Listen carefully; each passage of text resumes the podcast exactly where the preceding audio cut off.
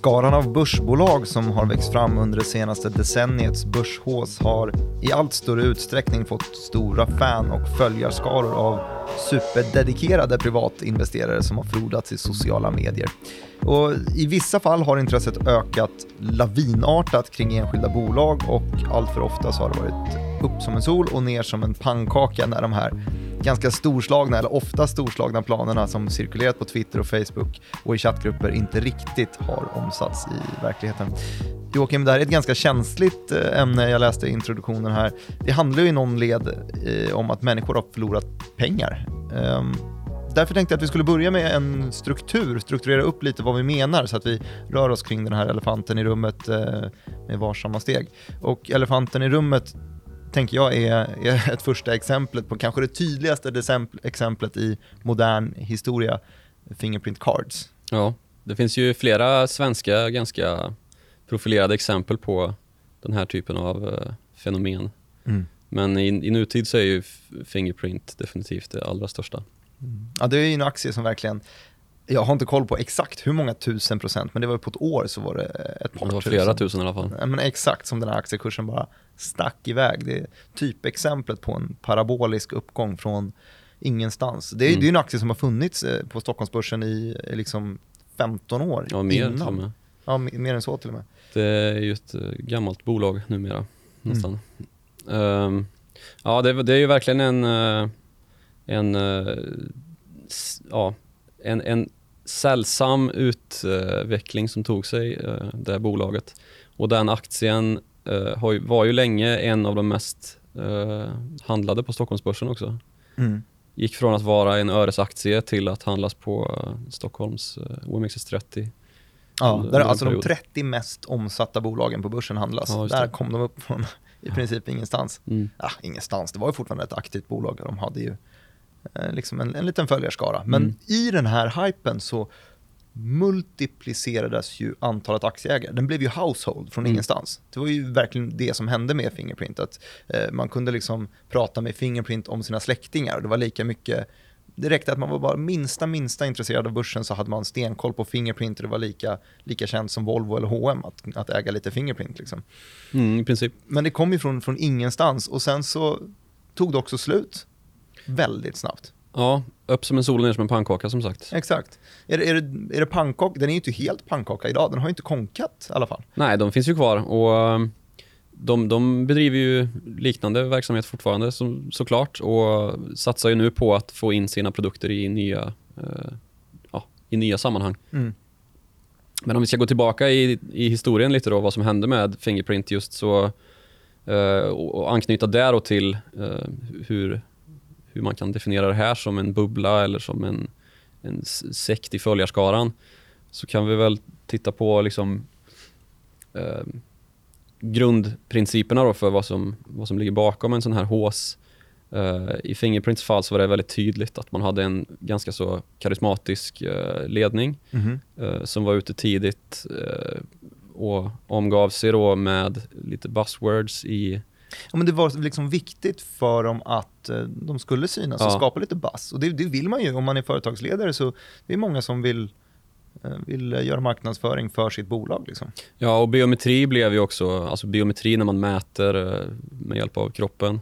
Ja, hypad teknologi. Ja, en väldigt ja. hypad teknologi. och Fingerprint har ju funnits som sagt ganska länge och hade, var lite först ut på den här marknaden och var ett ganska välutvecklat företag. Mm. Eh, kontra konkurrenterna då när den här tekniken faktiskt skulle börja appliceras, vilket ju är inom eh, mobiltelefontekniken. Mm. Eh, att Apple och Samsung och de här stora eh, Skulle haka på och använda fingeravtrycksläsare och Fingerprint skulle vara marknadsledande ja. i segmentet och var marknadsledande under en, under en, kort period. Just. Eh, och sen så var det väl väldigt, väldigt mycket förhoppningar. Alltså ett sånt här typexempel på hur pass stora förhoppningar är. Det här var en marknad då som liksom var ganska outforskad. Mm. Alltså att man visste inte var det skulle ta vägen om, om tre år. Man kunde inte se tre år i framtiden. Man visste inte hur stort det skulle vara. Det kan man ju göra med, med andra mer liksom traditionella bolag. Så kan man verkligen ha en hunch i alla fall om ja, vad SS, är det om tre år. Hur går SSAB, det liksom, hur, ja, exakt, hur mycket, hur mycket stål, stål behövs i världen om tre Den största grejen är hur stora blir ståltullarna och det är ju mm. stort nog. Mm. Men i det här fallet var det liksom det tydligaste är, är utvecklingen till eh, PE-talen. Alltså om Mm. man snackar om vad förväntningarna på den framtida vinsten. En PE-tal är liksom priset man betalar för vinsten. Mm. Pris per vinst, eh, per aktie.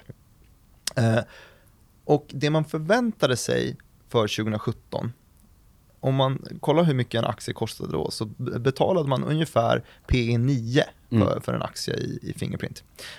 Enligt då förväntade vinsten. Mm. Och det var ungefär där också som det, det sket sig. Mm. Och man märkte att nej, vi får inte eh, sålt det vi vill. Det kommer andra aktörer in på marknaden. Lagret börjar skjuta i höjden och vi tar inte de eh, marknadsandelarna vi trodde. Då rasar kursen och helt plötsligt när man kollar på facit för 2017 så eh, handlade man omkring PE, ja, vad, vad landade det på? PE Över 150. 160 i alla fall. Ja. 160 PE, ja. Och det var ju då en konsekvens av att man snabbt hade tagit, eller först och främst så kom det ju den här efterfrågan då från mobiltillverkarna att nu vill vi faktiskt utveckla våra telefoner till nästa generation och kunna använda fingeravtrycket som en PIN-kod istället för en PIN-kod. Mm. Eh, och då blev det ju oerhörda volymer av uh, ja, fingeravtryckssensorer som behövde komma till de här producenterna då, alltså Mm. Apple och Samsung och dylika. Och eftersom att Fingerprint låg tidigt eh, med sin utveckling så kunde man då mata de här eh, leverantörerna med eh, eller ja, Fingerprint kunde mata sina kunder med oerhörda volymer av eh, sensorer Mm. och man drog in stora pengar på det här såklart. Omsättningen ökade ju också med flera hundra procent såklart. Um, problemet blev ju då bara att um, sedermera så var ju lagren välfyllda det kom in konkurrens på marknaden och det blev lite av ett priskrig. Mm. Och De här uppskattningsmodellerna då som man hade baserat på den mest explosiva utvecklingen eh, visade sig ju inte riktigt vara sann ur ett längre perspektiv. Och Det är ofta där problemen kommer in. då. Att, Ja, alltså för, för mig så är det ganska ointressant att, att, att gräva i varför just typexemplet Fingerprint eh, störtade. Det som är intressant är hur kunde man ha så höga förväntningar? Alltså hur, vad, vad tänkte man när man när man köpte den här aktien på, på toppen? Alltså det var ju många som köpte det. ja, det var många som gjorde sig fattiga på Fingerprint. Alltså. Det, Många som gjorde sig rika också för den delen. Ja, ehm, Lyckades pricka och sälja toppen. men inte riktigt lika många om man, om man tänker ur, ur perspektivet att det är tiotusentals personer som nu sitter på Fingerprint-aktier som man fortfarande inte har sålt och, och hoppas då på att eh, det ska vända upp. Och det kanske det gör, det vet vi inte. Det, det är ju också en, eh, just den här bilden jag försöker ge, liksom att verkligheten är alldeles för dynamisk för att man ska kunna förutsäga hur någonting ska gå Mm. eh, i såna här eh, nydanade branscher. Och det är också en väldigt... eh, det går igen i den här typen av bubblebildningar då att det är en... Ja, men man säljer ju en dröm om framtiden. Precis. Att det, det är en icke-konsoliderad marknad med en affärsidé som är svår att motsäga och motbevisa. Eh, som har enorma... Eh, det kan gå hur bra som helst. Det kan bli det som tar över världen. Men Mm. det finns också skäl att... Riskerna finns inte än eftersom Precis, att man risk- inte ser dem. Riskerna för att det inte blir så är enorma också. Det beror Ja. lite på vart man väljer att, att, att investera helt enkelt. Vart Ja. man väljer att investera sina, sin tro och sina, eh, sina slutsatser. Mm. Men det är det här som då, eh, det är det fenomenet vi, vi ska surra lite grann om idag ju. Den här masspsykosen på, Mm. på börsen helt enkelt. När det helt plötsligt får en sån här hype, en, en orimlig hype. Eller Mm. kanske rimlig, jag vet inte. Den är ju rimlig under någon, någon stund där i alla fall. Det är det som är fint att det vet hur man, man kan ju aldrig, man kan ju aldrig eh, under pågående hype så kan man ju, eller under pågående typ bubbeluppblåsning så kan man ju aldrig säga att det här är en bubbla. Nej, Eh, det, det ser man ju först när den har spruckit. men exakt.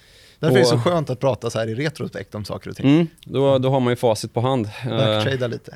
Och vi kan väl också säga det, liksom att de bolag som vi tar upp här, det är inga bolag som vi, vi har några åsikter om, utan det är, det är mer liksom en... Eh, att konsekvensen av det blir ofta den här typen av eh, oerhört aktiva följarskaror som ju nu i dagens tidevarv med sociala medier och eh, chattfunktioner i varenda telefon och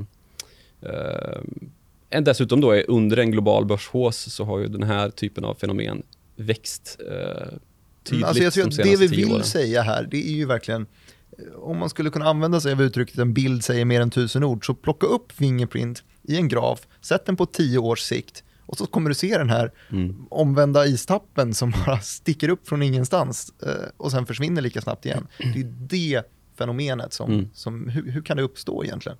Så vad har vi för, om vi skulle sätta någon, om man skulle ta någon lärdom från, från Fingerprint, har vi något utmärkande, några definitioner om vad som händer där? Vad ser du för någonting? eh, just den här grejen med att man har en till synes väldigt enkel affärsmodell då. En Mm. affär, Sälja Ja, fingeravtrycksläsare. sälja fingeravtrycksläsare. Och det, har ju, det är ju någonting, alltså som sagt, då, bo, bolaget är ga, ganska gammalt. Mm. Det har funnits sedan eh, 90-talet och, på börsen. Mm. Och affärsidén har varit att leverera, det heter ju Fingerprint Cards, så Mm. i grund och botten så handlade det om kort, accesskort då till entréportar och dylikt. Mhm. Men också till kreditkort, att man försökte få in eh, fingeravtrycket som en... Eh, istället för att slå in sin pinkod så kunde man liksom trycka med sitt, sitt tumavtryck på eh, kreditkortet och så gick Smart transaktionen igenom. Ja. Ja, toppen. Och det är ju den marknaden man fortfarande försöker penetrera nu eh, så här i efter eh, mobiltelefonins fingeravtryckstidevarv, vad man ska säga. Mm. Så, så är det ju fortfarande. Det kom förra veckan eh, en, en nyhet om att man hade kommit med någon sorts produkttest med en indisk leverantör, kreditkortsleverantör. Mm. Så det här är ju det är ju ett pågående arbete eh, man försöker slå igenom. Men, så vad var det för typ av definition om vi ska ta, sätta en generell? Ja, men just att, att det är en, en, eh, en enkel affärsidé som om den möter en efterfrågan som är lika brant som man själv gärna vill påstå och att den löser ett problem som är lika stort som, som bolaget liksom formulerat, Mm. då finns det väl oändliga möjligheter för att det här skulle kunna generera vinst också. Både till eh, bolaget och till aktieägarna såklart. Ja men det där känner jag, det skulle kunna vara applicerbart i en rad olika scenarion. Mm. Har vi något mer? Ehm, ja, man kan väl prata om att eh, det i, finns en ganska dålig eh, kommunikation från, från bolagets sida. Mhm. Ehm, att man uttrycker sig i lite generella svepande termer i lite för stor utsträckning. Ehm, att man, Man bidrar i alla fall inte till att... man bidrar i alla eh, fall inte till klarhet på, på ett önskvärt sätt kan man väl Säg det som journalist konstatera. här, ja det är härligt. Eh, och dessutom ganska ofta så förs det in eh, en terminologi som inte är bekant för varken investerare, journalister eller... Den blir lite svepande och lite drömmande och det Ja. går att tolka in. precis. Och nu säger Man lämnar att, det öppet för lite tolkning helt Ja, enkelt. exakt. Och, och det här leds ju oftare till bevis än motsatsen av den här liksom växande fanskaran då i sociala medier. Mm. Att, eh, och det märker vi också på nyhetsdesken att eh, i vissa fall så blir det närmast ett drev mot oss att vi inte publicerar vissa uppgifter då som, som vissa hänvisar till. Det står någonting i någon sydkoreansk tidning om Fingerprint. Ja men exakt, för det här blir ju faktiskt ett Vi vet litet, inte ens om det är en litet tidning, extra liksom. arbete eh, i just jobbet som, som, som journalist och som reporter så handlar det ju om att man ska eh, man ska Navigera navig- information. liksom. Exakt, navigera information och, och trycka ut det, ja. sortera. När det sen bildas eh, stora följarskaror, som i det här fallet, som ofta dyker upp på typ, som jag s- sa i min fina inledning, på Twitter och på Facebook Mm. och typ i chattrum på, på Discord eller vad som helst. Så liksom göder de sig själva och någon publicerar en länk, då publicerar någon annan en länk och sen så har den där fått 10 000 likes och sen så, kanske lite smått överdrivet, och sen så får man den här pressen att, ja men borde Mm. man inte skriva någonting om det här? Det har ju faktiskt synts på kursen som har stuckit iväg 8% idag eller någonting. Mm. Då kräver ju det mycket större due diligence-arbete av, Mm, av journalisten i fråga, för man måste vara säker. Man vill ju inte publicera någonting som bara, nej det visade sig egentligen bara vara en fejkartikel som spreds i ett uh, aktieforum. Man måste Mm. liksom väga sina ord på guldvåg Mm. på ett helt annat sätt jämfört med om man skulle ta Investor eller något annat som väldigt många äger men som kommunicerar på ett väldigt mycket rakare sätt och man kan spelplanen. Det är väl det som verkligen sticker ut här. Mm. Man kan inte spelplanen för den här nya typen av teknologi.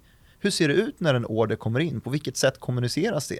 Räcker det att man säger att man eh, har fått någon form av design win? Betyder det order och betyder det Mm. att man sen har låst upp sig med att eh, leverera till Samsung i hundra år i fram- eh, framöver i tiden? Eller säger det egentligen ingenting? Alltså Mm. den typen av kommunikation blir otroligt påtagligt att det, det är svår, svårnavigerat. Det Ja. blir luddigt alltihop. Och ofta i just här, lite mindre eh, lite mindre bolag så är det ganska ofta att det kommer ut eh, pressmeddelanden eller liksom att det kommuniceras om eh, avsiktsavtal. Mm. Eh, och just den här grejen som du sa, jag tänkte komma fram till eh, att man har fått en design win som ju Mm. var ofta fallet i Fingerprint eh, eh, när Fingerprint var liksom under uppgång. Och att det var svårt att tol- tolka, men är det här en order eller är det ett avsiktsavtal eller är det någonting däremellan? Uh, och det visade sig ju, det ja, precis, det var liksom? jättesvårt att värdera om, om är det ens, ska vi ens skriva om det här? Eh, och det visade sig ju då att det väldigt ofta ledde till en order. Mm. Eh, så de som var tidiga med att tolka in det drog ju vinning av det såklart. Mm. Men just den här, som jag sa då, att terminologin ofta blir skruvad gör ofta att det blir svårt att tolka informationen.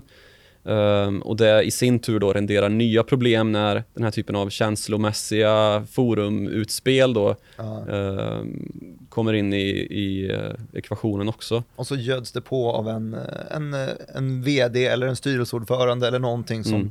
Gärna vill dra på sig uppmärksamhet Mm. i företaget för att de vinner på det i sig. Och Mm. i, i fallet Fingerprint så var det ju väldigt mycket Twitter-uppståndelse fram och tillbaka. Vi ska inte gå in djupt på det, det går att googla fram om man eh, är sugen på att läsa sig in vad som skedde där. Men Mm. det, liksom, det gödde på det här, eh, den här masshysterin i Ja. Fingerprint också.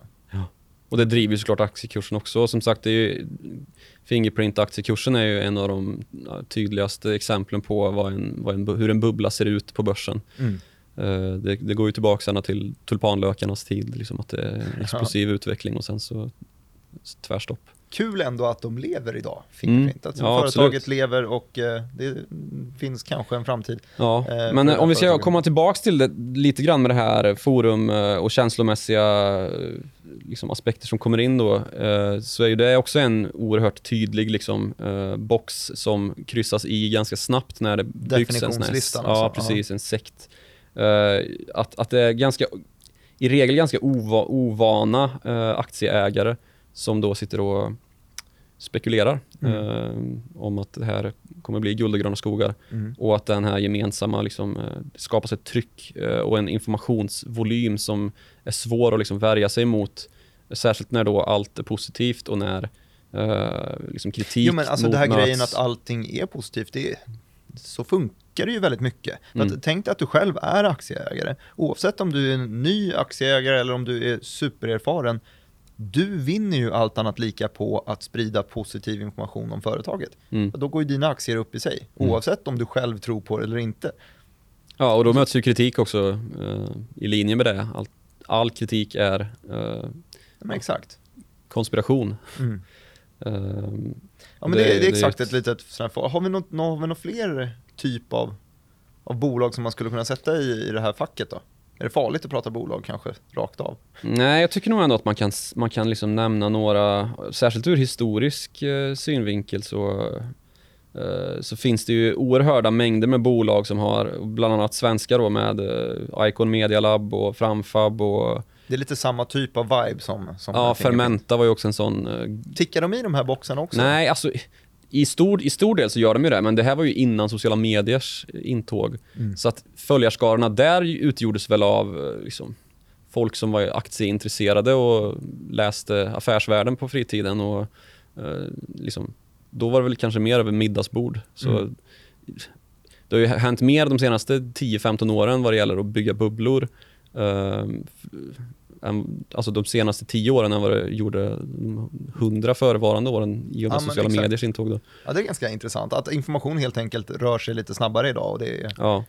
Eh, det är inte bara, man kan inte bara läsa om, om affärsnyheter i Dagens Industri eller i de stora affärsmedierna utan det, det går också att läsa om på, på Egna forum. bloggar Ja, egna bloggar och forum. Mm. Forumen är ju väldigt liksom framträdande i det här och dessutom då sociala medier. Alltså en grej som jag tycker väldigt- är, alltså, som, som vi måste koppla till det här också, det är ju eh, alltså typexemplet på en, en hypebolag idag. Det är ju GV-hypen, GV-effekten. Mm. Alltså eh, kriminologiprofessorn, eh, allas favorit, superälskvärd, som också råkar ha ganska mycket pengar och tycker om att investera i aktier. Mm. Det har blivit en grej att det här bolaget går, eh, går GV in i, Mm. Då får det världens skjuts. Han är ju också en sån som eh, om någon anledning tycker om att investera i samband med IPOer. Mm. Antingen onoterat eller precis när den ska gå till börsen och Mm. göra en liten, Står och ringa i börsnoterings... Står ju Men i en exakt. klocka med börsnoteringen. stå, stå och ringa i klockan, det vill, det vill han göra Ja. och sen sälja av. Och där har vi ju också, alltså går man in, alltså kollar man på, vad har vi, GV-bolag så har vi eh, Triboron, Terranet, eh, S2 Medical, vi har Aerowash. och- Aerowash Mm. också, absolut. Så det, det är bolag som man har gått in i. Eh, jag tror att de flesta av dem hade så här världens Mm. hype precis vid börsintroduktionen. Och sen så dog det ner. Mm. Och det är också en sån här, det går inte att motivera kanske med eh, att, att, eh, att det var någonting som gick fel, att det var en vinstvarning på toppen och att det gick ner, utan det var liksom var väldigt mycket folk som skulle in i aktien och Mm. pratade väldigt mycket om den och det var svårtolkat med informationen och supervolatila intradags kursrörelser. Ja, och sen så tröttnar folk bara. Och sen så tröttnade folk och sen Ja. så såg man i nästa insynsuppdatering att nej, GV äger inte ens den här Nej, längre. precis. Oj då. Och då, vilka står kvar som förlorarna? Ja, de som var sämst på, Mm. på att sälja. Småspararna alltid där ju. Ja. Men eh, där, där tangerar vi också det här med eh, vad som är nytt egentligen i den här, alltså just den här sekten som blir. Som blir. För det, Mm. samma som eh, i liksom tidigare exempel som jag sa, Fermenta, Icon Media Lab och, och Framfab, Mm. så är det ju de, den håsen är ju mer byggd av eh, en medial uppmärksamhet kring då, alltså jag kommer ihåg, det är ju senaste året som det har, liksom Expressen har haft löpsedlar där GVs investeringar lyfts fram och Ja, men alltså vi fick ju världens kursrörelse i, är det Bambooser, när, eh, när Bianca Ingrosso, Ja, just det. Eh, Det var ju inte... Ja, det var jag kommer inte ihåg, ja, jag kan inte det där Det var något samarbetet. avtal med Bambuser där eh, ja, man hade gjort något, någon typ av... Också, liksom, vad är det här? Är det här ett avtal? Eller kan man liksom mäta vad, vad kommer det här leda till? Det är inte som när liksom Volvo säljer lastbilar till... eh, ja, nej men exakt, man det- kan, inte, man kan inte mäta man kan inte, exakt man kan inte ta hem, man kan inte liksom säga, ja men vi har fått in så här mycket pengar, utan det är liksom så här, man har ett, ett samarbete med någon. Isabella Löwengrip hade ju också en jäkla massa olika, Ja, delar. Ellen till exempel, eh, också ett, ett liksom ganska mindre bolag liksom, som är Mm. svåra att, att bestämma. Ja, men är det här ett, ett avtal som eh, kommer leda till eh, intäkter eller är det bara liksom Mm. ett försök som, som kommer plana ut och inte...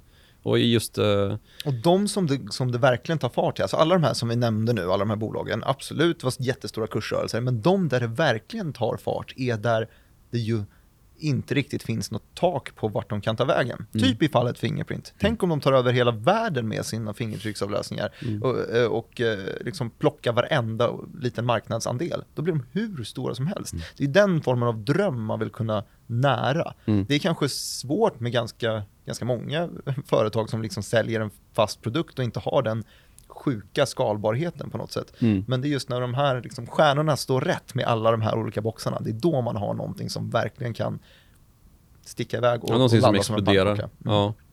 Ehm, Kan ju gå jättebra också. Men definitivt. har- Men- men, mer eh, sällan.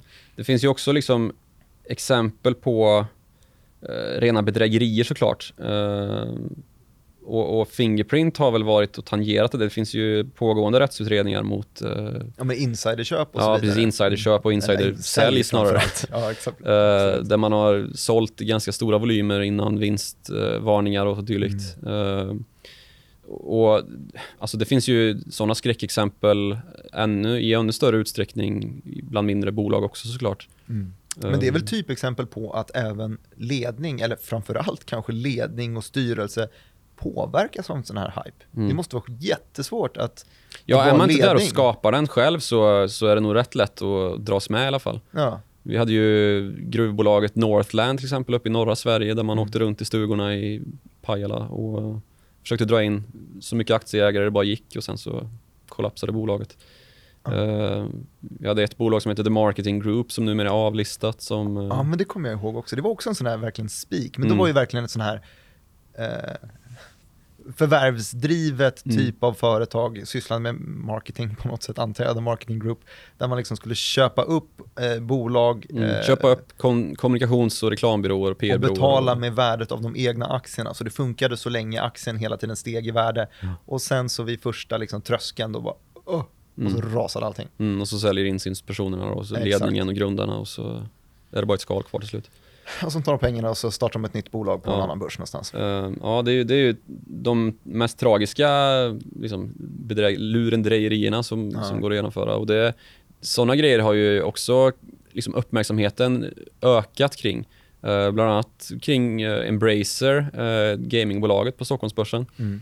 så har ju den varningsklockan ringts i av diverse analytiker som då har hävdat att Men senast var det ju en brittisk, ett brittiskt Mm, analyshus som, hade, som helt plötsligt satte en riktkurs som var liksom en fjärdedel av Mm. aktiekursen idag. Från ja, ingenstans. motiverat då bland annat med att eh, ja, man hade tittat på liksom hur man redovisar och Var de jämfört med... förresten? Kan vara Ja, amerikanska. jag jo det är inte. analyst, de är Okej. britter. Mm. Eh, de har tittat då på hur redovisas uh, ja, bolagets räkenskaper och Mm. eh, vad är det man liksom finansierar verksamheten med i form av de här, hur, hur liksom köper man upp de här bolagen som man, Mm. för det är ju väldigt förvärvsdrivet Embracer.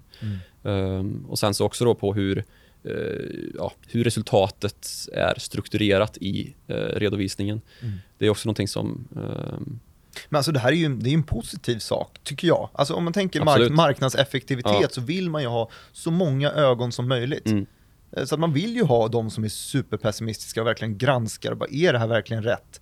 Och man vill ha dem som är så positiva som möjligt också. Så att det, men det farliga här är ju när man liksom har känslor från företaget. När man ser att analysen kommer, någon sätter riktkursen på mitt älsklingsföretag, som är en fjärdedel av vad riktkursen står idag.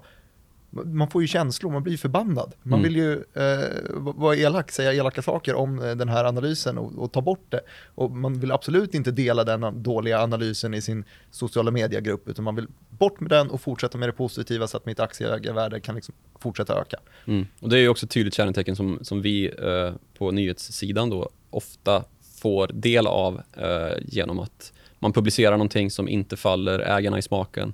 Det är då det ringer som mest. Ja. då, då rings det och då är det väldigt, eh, framförallt på sociala medier är det ju Mm. sån här ansiktslös liksom, kritik som kommer in.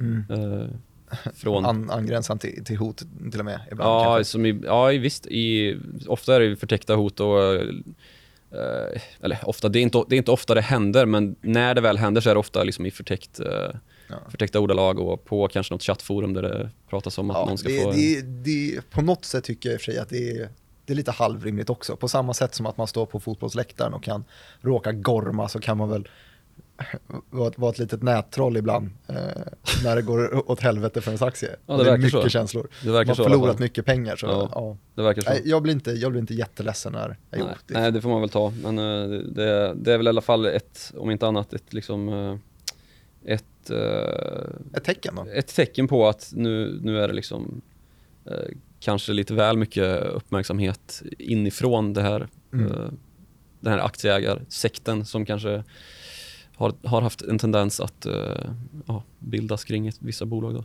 Mm. Och kan man titta på vilka liksom branscher som det här har rört på i sentid då, så är det ju framförallt biometribranschen. Det är ju inte bara Fingerprint som har varit där utan Det smittade ju av sig Ja. på allihopa. Det Precise hade- Biometrics Exakt, var... de sålde väl algoritmen till, Precis. eh, till Fingerprint där. Ja. under ett tag. Mm. Och så finns det ju en norsk konkurrent också. Alltså har inte jag koll på. Eh, Nej, det, har inte, det blankar du också på nu? Eller? Nej. Ja, shit, vad heter de? Det är okej. Ja, strunt samma. Men finns det något, något speciellt, skulle du säga att det finns något speciellt område där hypebolagen då trivs extra bra? Du sa biometri, men biometri Mm. för mig känns det, det känns väl lite 2014, 15, 16, det är väl gjort nu eller? Ja, var, var, eh, var, var trivs de idag? Idag så skulle jag väl säga att det finns, liksom, man ska inte hänga ut någon för att vara just en, en bubbla och en... Eh, men det, det finns ett väldigt stort intresse kring eh, vissa fenomen och det är ju just fenomen vi pratar om idag ju. Mm. Ehm, så finns det ju liksom väldigt mycket eh, snack om blockkedjeteknik och Ja men, men det, det, det krypto, köper jag, det är ju liksom. världens, Ja. världens buzzword. Alltså, Ja, och det är ju mycket då liksom så att ja, men det här är nästa, nästa steg i den finansiella utvecklingen, att det är hit allting kommer gå. Mm. Eh, så bolag som eh, agerar i den, eh, i det lilla utrymmet, där Mm. har vi ju väldigt höga eh, förhoppningar och väldigt mycket svårtydd terminologi. Där, exakt, det är ju det. Det är otroligt svårt att tyda. Mm. Alltså, blockkedjeteknologi är men det är som ett, ett fenomen som man bara accepterar att ja, det är bra, det är supersäkert, det är användbart på de här olika grejerna, men rent 90 gritty, alltså inne i det där, det är ingenting som gemene man fattar. Det är ingenting Nej. som, som jag egentligen fattar för den delen heller. Nu är inte jag särskilt smart eller inläst på, på den typen av grejer, men det, det skapar ju i alla fall en miljö där drömmar kan näras. Är det inte Mm. Verkligen. så? Ja. När man inte riktigt förstår tekniken, man förstår bara det här är något stort. Mm. Och det är säkert, det är något stort, blockkedjeteknologi. Det har ju verkligen gjort någonting med, med världen, antar jag. Eh, Men det skapar liksom höjder på vad som är uppnåeligt. Och det, det gör att det här Men där har vi ju återigen liksom den, det första liksom, den första boxen är i- ifylld. Den är superifylld, så nu krävs det bara en ordentligt karismatisk eh, Mm. eh, vd som vill skicka ut lite tvivelaktig Mm. eh, eh, ton på kommunikationen och sen så Men det, och det finns, stor en, det finns en ganska tydlig, liksom, om man ta- talar Qu- Quickbit då, som är exemplet på Stockholmsbörsen, Mm. där man... eh, de är inte på, de är väl på MGM nej, ja, förlåt, men en, en, en, en svensk aktie i alla fall. Ja. Eh, ett bolag som då en, har en transaktionslösning Mm. där e-handlare kan ta betalt då med bitcoin. Mm.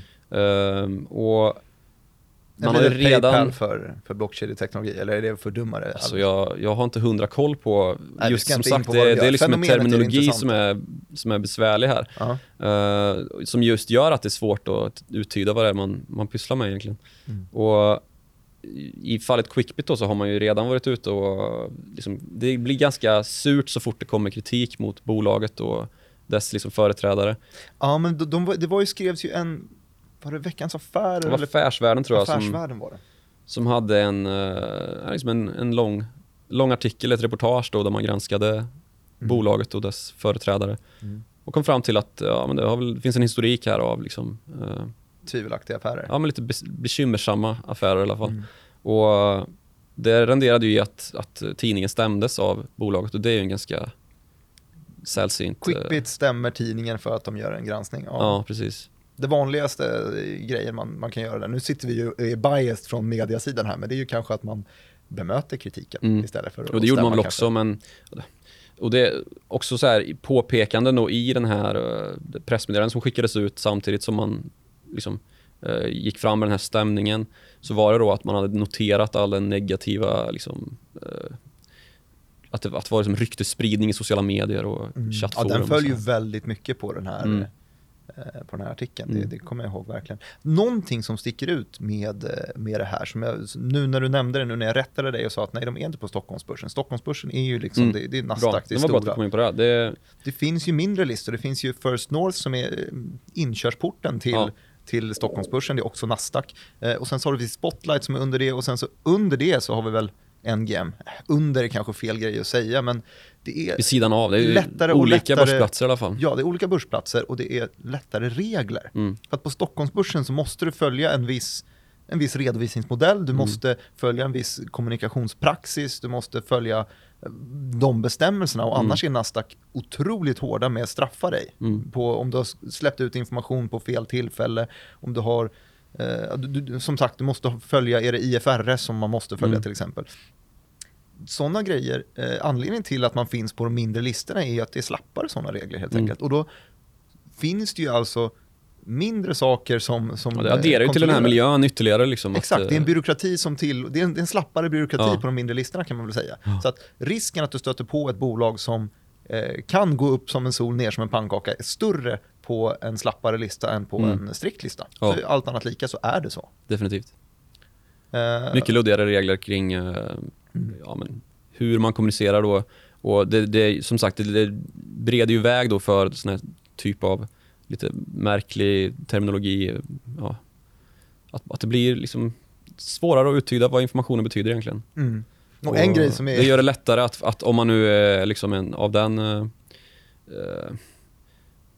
ja, om, man är av, liksom, om man har som syfte att, att bedra sina blivande aktieägare och ta Exakt, deras pengar skulle- så, så finns det ju inte bra uppsåt möjligheter men det så- finns bättre möjligheter att göra det på, på de mindre listorna. Exakt. Ja, men det, det, det är väl formulerat. Om man har ont uppsåt och skulle vilja vara ute efter att, att bedra sina aktieägare så gör man det väldigt mycket lättare på en mindre lista än på en stor lista. Mm, definitivt. Där har vi faktiskt någonting.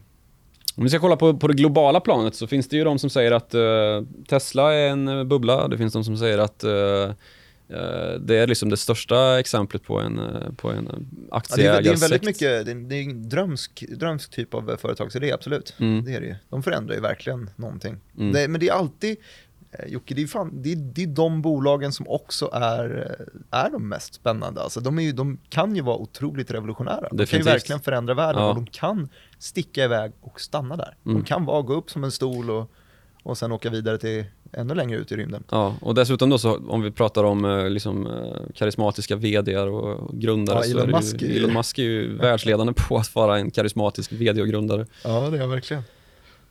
Åh, härligt bolag. Äh, ja.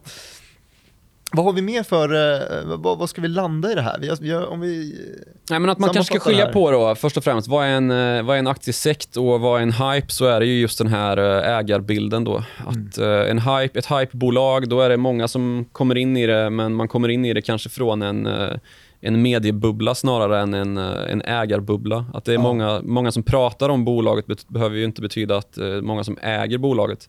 Men, och det var ju mer i de här historiska fallen då, kanske mer GV-relaterat, att Ja. där är det liksom en mediabild som blåses upp kring ett bolag. ja. Sen den här nya typen av sekter då mer eller mindre, eh, där är det mycket större liksom, eh, informationsvolym som, som flödar på Twitter och, och i de här olika chattforumen och i eh, liksom forum som man når ganska lätt som småsparare via sitt Avanza eller Nordnet-konto. Mm. Eh, och liksom den informations eh, kanalisering som sker där. Mm. Ehm, och att det finns liksom en skillnad mellan vad är en marknad, eh, en fysisk marknad där bolagen agerar och den här börsmarknaden som vi pratar om här.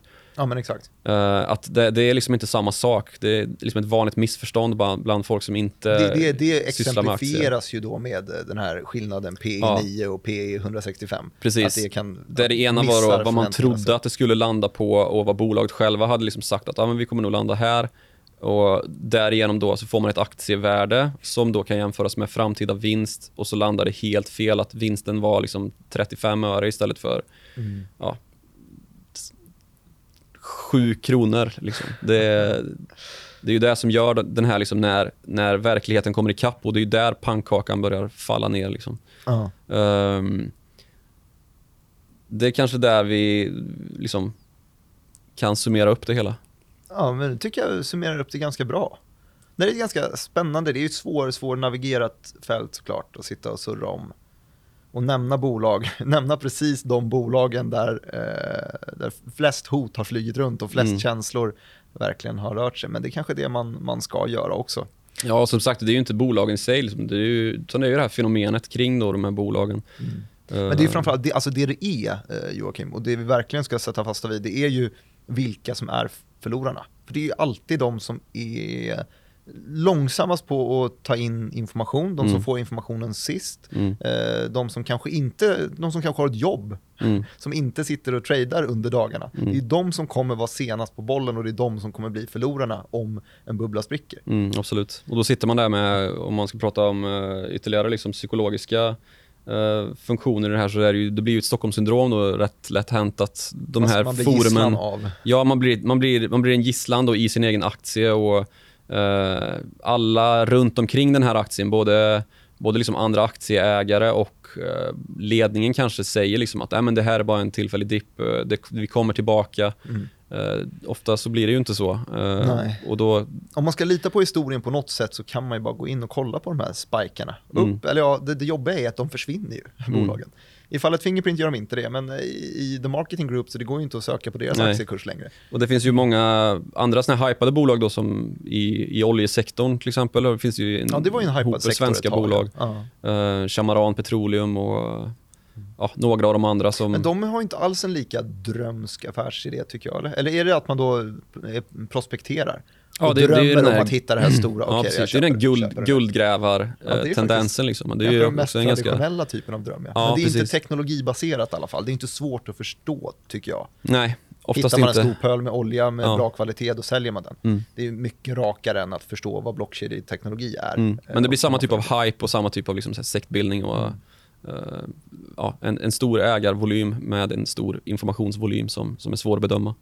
Joakim, vi ska, innan vi avslutar det här eh, podcastsegmentet eller podcastavsnittet så ska vi berätta var man kan hitta oss. Eh, och du som lyssnar just nu har ju hittat oss och då är det lite lite skitsamma kanske. Men oavsett var du hittar oss så finns det säkert någon typ av funktion där du kan eh, betygsätta eh, podcasten, du kan prenumerera, du kanske kan skriva en liten kommentar och finns det inget kommentarsfält eh, så kan du mejla och då gör man det på followthemoney@direkt.se. Och gör det för guds skull. Eh, maila in förslag på ämnen vi kan prata om. Joakim är utrikesredaktör, jag är något form av eh, studieankare på, på Nyhetsbyrån Direkt och kör eh, video och eh, poddverksamheten. Jag har en liten bakgrund på nyhetsbyrån i största allmänhet också. Vi tycker om att prata om allting som, som har med aktier att göra och tycker gärna om de här sammanhangen. Tanken med Follow the Money, nu blir det en lång monolog om mig, det är det är ju verkligen att eh, ta något form av skeende, berätta en bakgrund om en historia, berätta hur det, eh, den dagsaktuella händelsen, varför det är aktuellt idag och sen så se var pengarna slutligen eh, landar. Mm. Och det kanske vi inte följde otroligt strukturellt idag när vi snackar lite eh, masspsykos på börsen. Men det här är ju ett intressant ämne. Eh, intressant hur liksom man adderar känslor i den här annars väldigt sifferdrivna soppan som är Stockholmsbörsen. Mm. Eh, jag får tacka så mycket för att ni har lyssnat. Det får man väl göra. Eh, Tycker jag. ja, Så ses vi igen. Det gör vi. Vi ska ju släppa det här kanske någon gång i veckan. Mm. Ha det så fint. Ha det bra.